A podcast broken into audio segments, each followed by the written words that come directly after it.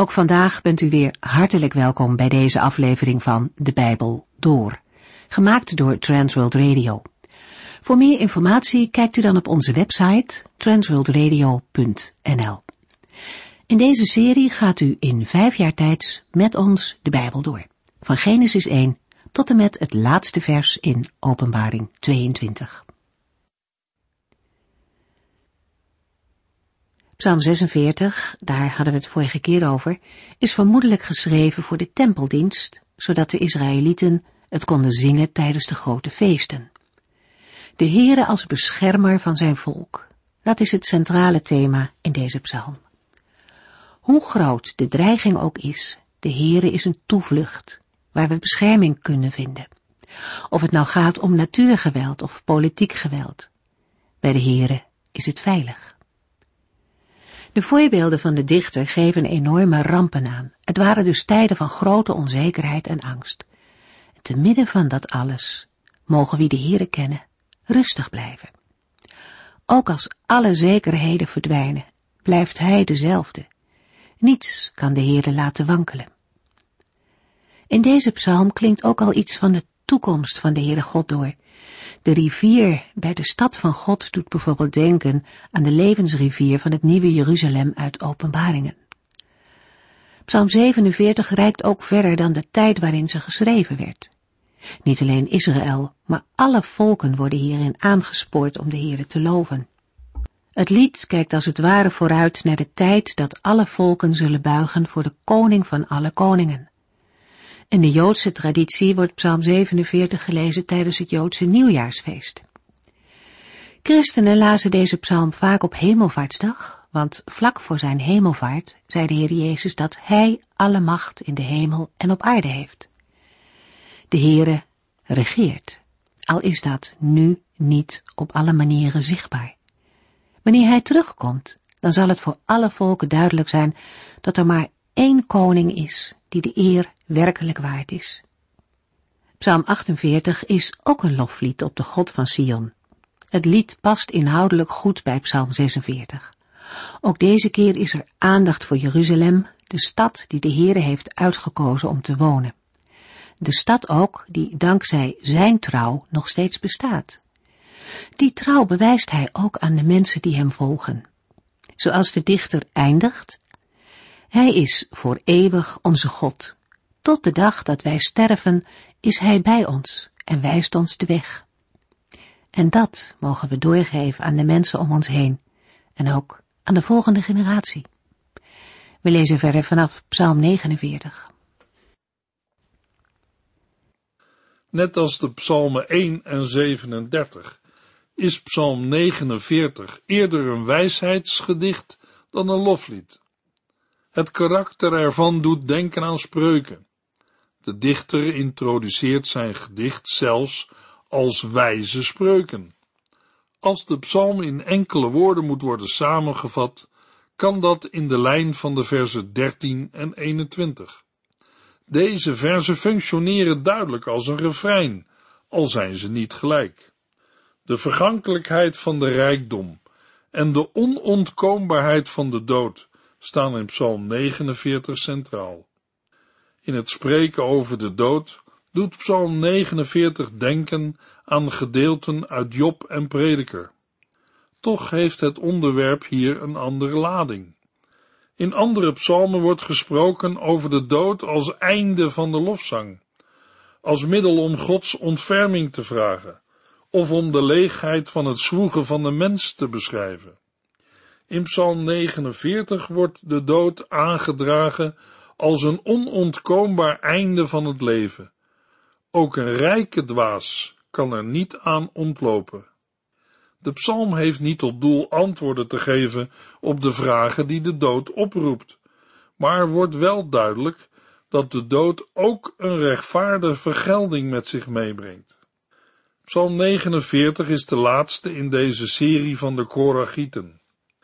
Vanwege het karakter van de psalm als wijsheidsliteratuur, de genoemde grote verschillen tussen rijk en arm en de tempeldienst, is psalm 49 waarschijnlijk ontstaan in de tijd van de koningen. In psalm 49 wordt ook duidelijk dat het onrecht uiteindelijk in de dood zal worden vereffend. Psalm 49 bestaat uit vier delen.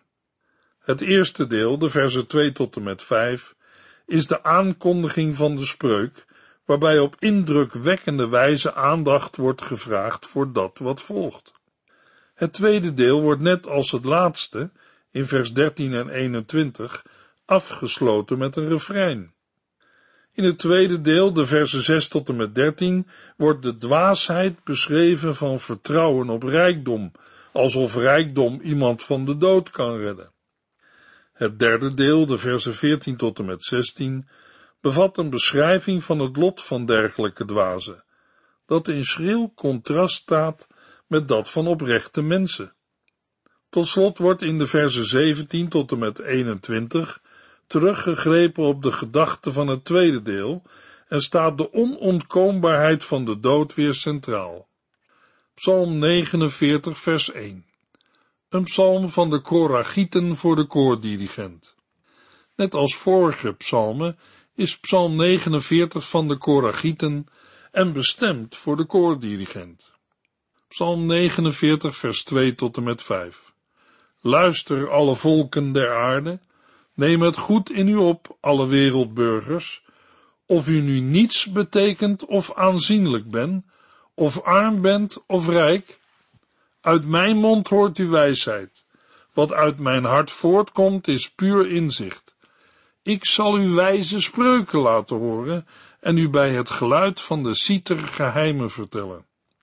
Zoals in wijsheidsliteratuur gebruikelijk is, vraagt de dichter de aandacht van de hele wereld. Wat hij te zeggen heeft is van belang. Hij kondigt zijn woorden aan als wijsheid en inzicht. Dat is geen vorm van arrogantie, want de dichter houdt zelf ook zijn oren open. De wijsheid waar hij over spreekt is hem geschonken, al wordt de bron niet vermeld. De vermelding van de citer of de lier roept associaties op met de werkwijze van een ziener of profeet. Bij het spel van de citer of de lier kon een ziener of profeet in geestvervoering raken, waardoor woorden van wijsheid ontvangen en gesproken konden worden. Uit het vervolg blijkt dat het bij het woord geheimen gaat om raadsels die gericht zijn op levenswijsheid. Psalm 49, vers 6 tot en met 13. Waarom zou ik bang zijn als er dagen komen waarop het kwaad lijkt te overheersen? Als ik word belaagd door mijn vijanden die mij kwaad willen doen. Als mensen die hun vertrouwen op geld stellen en zich op hun rijkdom beroemen, mij naar het leven staan. Het is onmogelijk om een ander vrij te kopen met geld, om God een losgeld voor hem te betalen. De prijs voor een mensenleven is immers altijd te hoog.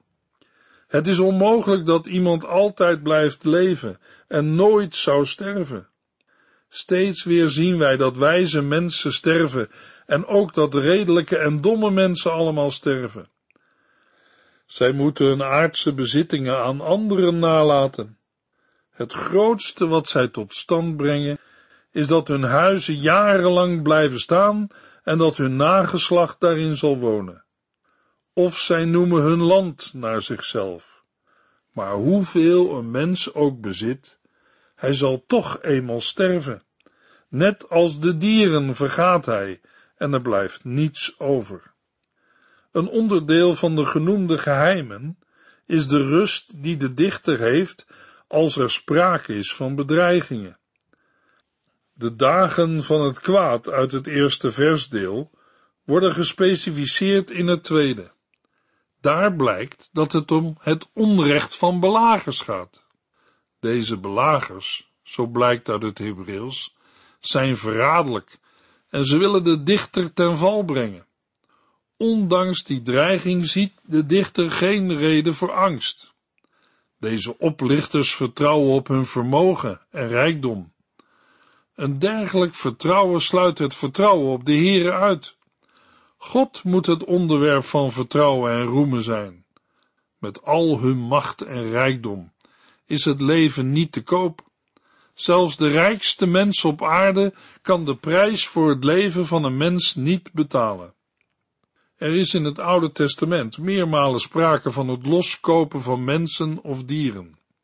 Eerstgeborenen werden losgekocht, maar ook iemand die de doodstraf verdiende, of slaven.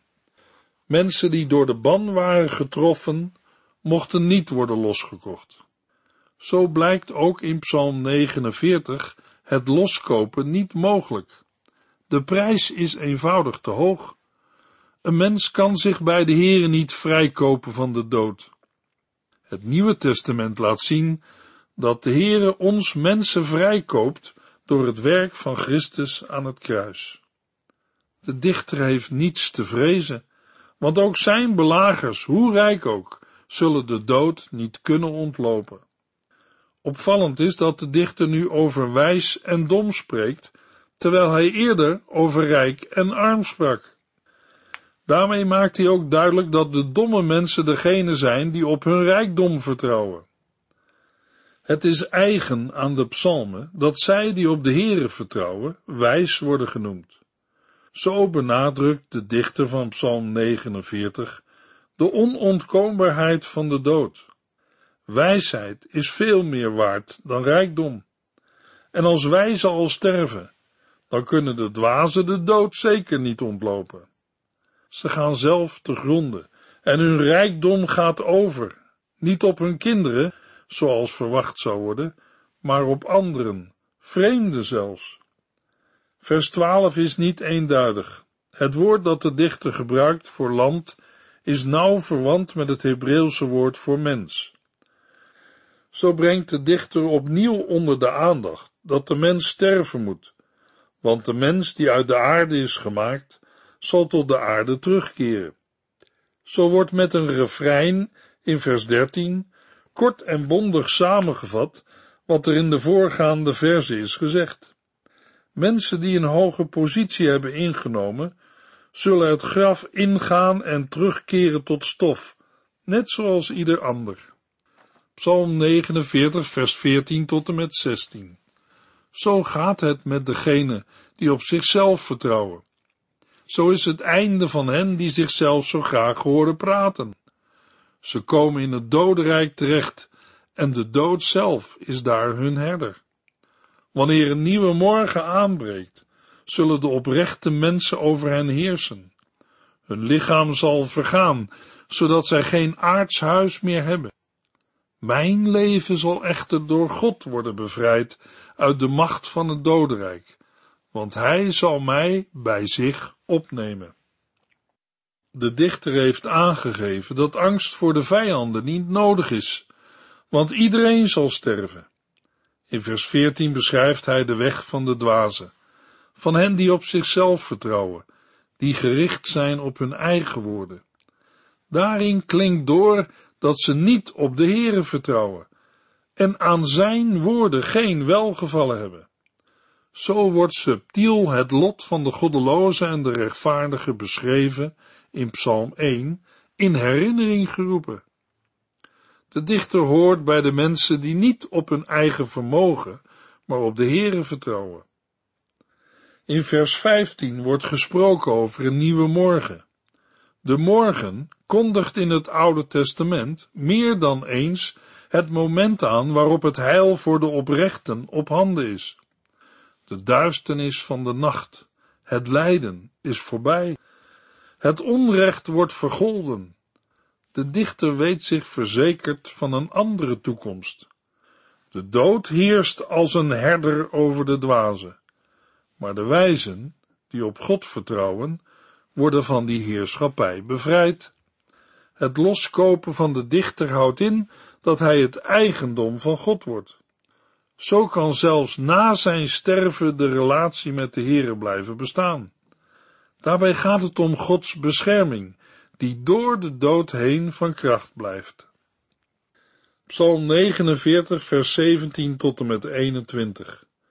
Maak u niet druk als iemand rijk wordt en zijn bezittingen alleen maar toenemen. Wanneer hij sterft, kan hij niets meenemen en zijn bezit kan hem niet volgen. Al voelt hij zich tijdens zijn leven de gelukkigste man van de wereld. Al prijst men u omdat u geniet van al het goede, toch zal hij sterven, zoals zijn voorouders, die het licht nooit meer zullen zien. De mens, die ondanks al zijn rijkdom geen inzicht heeft, is net als de dieren, die tot stof vergaan. Het gaat in vers 17 om de rijke, die zelf ingenomen is, die geen inzicht heeft. Een mens die aan de heerlijkheid van de Heere voorbij gaat en zich richt op de heerlijkheid van zijn eigen huis. Die mens komt bedrogen uit. De heerlijkheid die hij gezocht heeft, is niet blijvend. Hij wordt ervan gescheiden, want wat hij heeft verworven, kan hij niet meenemen naar het dodenrijk. Ter afronding herhaalt de dichter de woorden van vers 13 bijna letterlijk, waardoor er een soort refrein ontstaat. De wijziging ten opzichte van de eerste keer maakt nog eens duidelijk dat het niet om een willekeurige rijke gaat, maar om de rijke die geen verstand heeft. Wijsheid heeft voor de dichter alles te maken met het rekening houden met de Heere. Zij die dat niet doen, zijn dwaas. Een dwaas beleeft het hier en nu, maar de toekomst wordt vergeten. En juist in de toekomst, bij het einde van het leven, is zijn rijkdom niets meer waard. Zo lijkt hij in zijn gebrek aan inzicht op de dieren. Zij zullen tot stof vergaan. De dood staat in deze psalm weliswaar centraal, maar juist de lessen over de dood bieden principes voor het leven. De Heer Jezus zegt in Matthäus 16, vers 26, Wat hebt u eraan de hele wereld te winnen en uw leven te verspelen? En wat zou u kunnen geven in ruil voor uw leven? Het enige wat wel verschil maakt in de dood is de manier van leven. Essentieel daarbij is de verhouding tot de Here. Zo maakt Psalm 49 duidelijk dat de prijs om het leven te kunnen kopen voor ieder mens, hoe rijk ook, altijd te hoog is.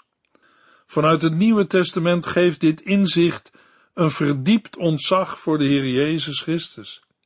Hij is zo diep gegaan dat hij die prijs voor u, jou en mij heeft betaald.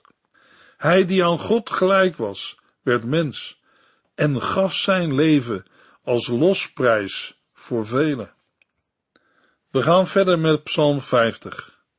Het genre van Psalm 50 is moeilijk vast te stellen. Inhoudelijk komt het lied overeen met profetische vermaningen over verkeerd gedrag en de offerdienst die ook in de andere psalmen naar voren komen. Van belang is dat de Israëlieten de Heere de lof en eer toebrengen. Maar Psalm 50 is geen gewoon loflied. Het verband tussen de opkomst van de zon in vers 1 en het verschijnen van de Heer in vers 2 doet vermoeden dat de psalm bij het aanbreken van de dag werd gezongen. Mogelijk was het een onderdeel van een liturgie waarbij het verbond werd vernieuwd of herdacht. De structuur van de psalm is helder. De beide vermeldingen van Sela aan het eind van vers 6 en 15 markeren de einde van de eerste twee onderdelen. Na de openingswoorden volgt in de verse 1 tot en met 6 een oproep over de toenadering van en tot de Heere. Hij zal verschijnen, maar tegelijk wil hij dat zijn volgelingen tot hem naderen. Aansluitend volgt in de verse 7 tot en met 15 een betoog over het ware offer. Het gaat niet om stieren of bokken, maar om lof en trouw. Het derde deel, vers 16 tot en met 21, is een vermaning aan het adres van de goddeloze. Iemand die in zijn leven doet wat niet strookt met de wil van God. De psalm concludeert in vers 22 en 23 met een waarschuwing en aansporing die de kern van de psalm benadrukt. De Heere moet alle lof en eer ontvangen. Psalm 50 vers 1 tot en met 3. Een psalm van Asaf. De Heere, de enige ware God, neemt het woord en roept naar de hele aarde van oost tot west. God komt met een ongelooflijke prachtige glans vanuit Jeruzalem naar ons toe. God is in aantocht en zal niet zwijgen, omdat hij moet spreken. Een laaiend vuur gaat voor hem uit, en om hem heen davert een storm. De psalm begint met de naam van Asaf, en daarmee wordt de serie van de Koragieten, die in psalm 42 en 43 begon, voorlopig beëindigd. Asaf is een van de drie koorleiders die door David zijn aangesteld. Het is niet duidelijk of de liederen die aan Asaf worden toegeschreven daadwerkelijk van zijn hand zijn, of dat die bij een groep horen die zijn naam draagt. Voor Psalm 50 wordt wel aangenomen dat Asaf zelf aan het woord is, maar dat kunnen we niet met zekerheid zeggen. We kunnen wel zeggen dat de psalm niet tijdens de ballingschap is geschreven, omdat er over offers wordt gesproken. De dichter begint met de naam van de Heere, Yahweh. Het is alsof de dichter de naam wel moet gebruiken, omdat hij duidelijk wil stellen wie de enige ware God is. Het is de God van het verbond. En daarom kan de verbondsnaam niet ongenoemd blijven. Deze God roept de aarde op om getuige te zijn van wat volgt. In vers 1 lezen we in andere vertalingen de uitdrukking van waar de zon opgaat tot waar zij ondergaat. Het geeft de totaliteit van de oproep in vers 1 aan. Ze kan betrekking hebben op de ruimte en betekent dan van oost tot west, maar ze kan ook betrekking hebben op tijd, van de ochtend tot de avond. De Heere roept de aarde op als getuige, maar zelf blijft hij ook niet verborgen. Zijn komst is als het opkomen van de zon. Hij verschijnt met een ongelooflijke, prachtige glans.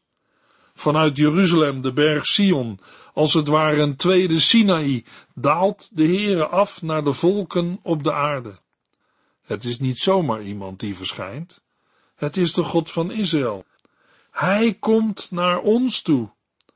De manier waarop het verschijnen van de Heere wordt beschreven, doet opnieuw denken aan zijn verschijning vanaf de Sinaï. De verschijning is indrukwekkend en gaat gepaard met natuurverschijnselen als vuur en storm. Psalm 50, vers 4 tot en met 6. God roept tot in de hemelen en naar de aarde om zijn volk te onderwijzen. Laten mijn volgelingen bijeenkomen, zij die mijn verbond erkennen en mij hun offers brengen.